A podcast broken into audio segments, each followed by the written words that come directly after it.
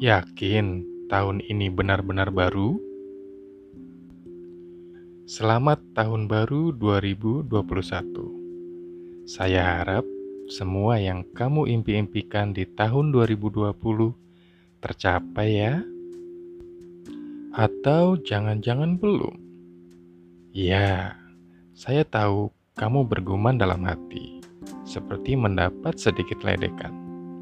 Tapi tenang, saya sedang tidak ingin meledek siapa pun, termasuk Anda. Well, tanpa terasa kita ada di awal tahun 2021 ya. Waktu begitu cepat berlalu.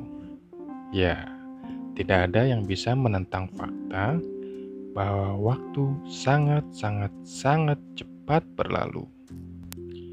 Sepertinya baru kemarin, baru sebentar baru beberapa waktu yang lalu. Ya, sang waktu memang berlalu dan merubah segala hal. Tapi pertanyaannya, bagaimanakah dengan Anda? Apakah sang waktu berhasil merubah diri Anda? Harus diakui, beberapa dari kita memang hanya merayakan sebuah peristiwa ulang tahun, tahun baru, kelahiran, kelulusan, dan banyak perayaan-perayaan hidup lainnya. Menurut saya, sudah terlalu banyak perayaan di dalam hidup kita. Sayangnya, perayaan-perayaan itu hanya sekedar perayaan dan tidak menjadikan perubahan apa pun. Ya, kebanyakan ya. Semuanya seperti hanya rutinitas belaka yang berlangsung sepanjang hidup manusia. Saya ingin Anda merenungi kutipan-kutipan di bawah ini. Kutipan yang pertama dari Benjamin Franklin. Anda mungkin menunda, namun waktu tidak.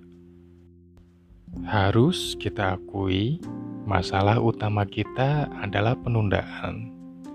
Ya, penundaan-penundaan kecil yang akhirnya terakumulasi menjadi sebuah masalah-masalah.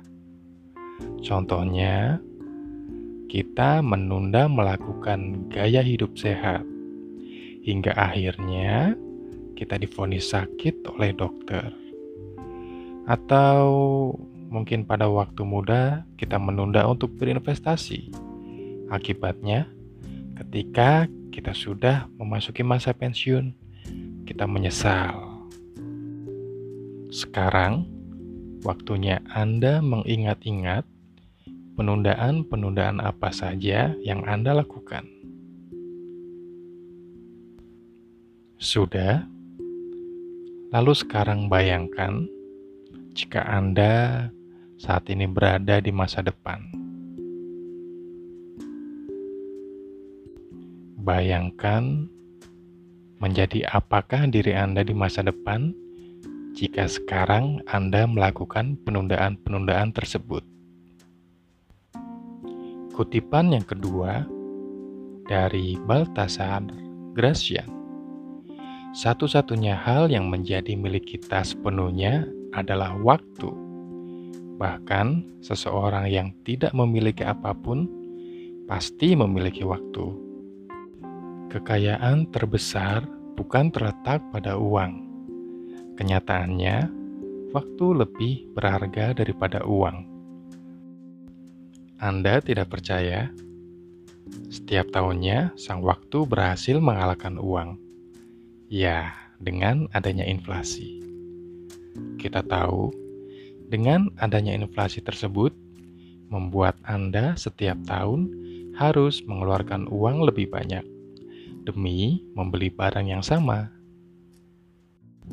Jadi, sudah terbukti bukan bahwa waktu yang Anda miliki lebih berharga daripada uang. Kutipan yang ketiga saya ambil dari Samuel Smiles. Kerugian materi dapat digantikan dengan industri. Kerugian pengetahuan dengan belajar. kehilangan kesehatan dengan kendali diri sendiri atau obat-obatan. Namun, waktu yang kita lewati akan hilang selamanya. Dengan membaca kutipan-kutipan di atas, Anda pasti sudah memahami betapa berharganya waktu. Anda bisa mengganti materi. Anda juga bisa mengejar ilmu pengetahuan. Bahkan, Anda bisa juga memulihkan kesehatan dengan obat-obatan. Namun, yang pasti Anda tidak dapat mengembalikan waktu yang sudah berlalu. Pada awal tahun ini, kita mendapatkan 365 hari ke depan. Setiap orang mendapatkan jumlah hari yang sama.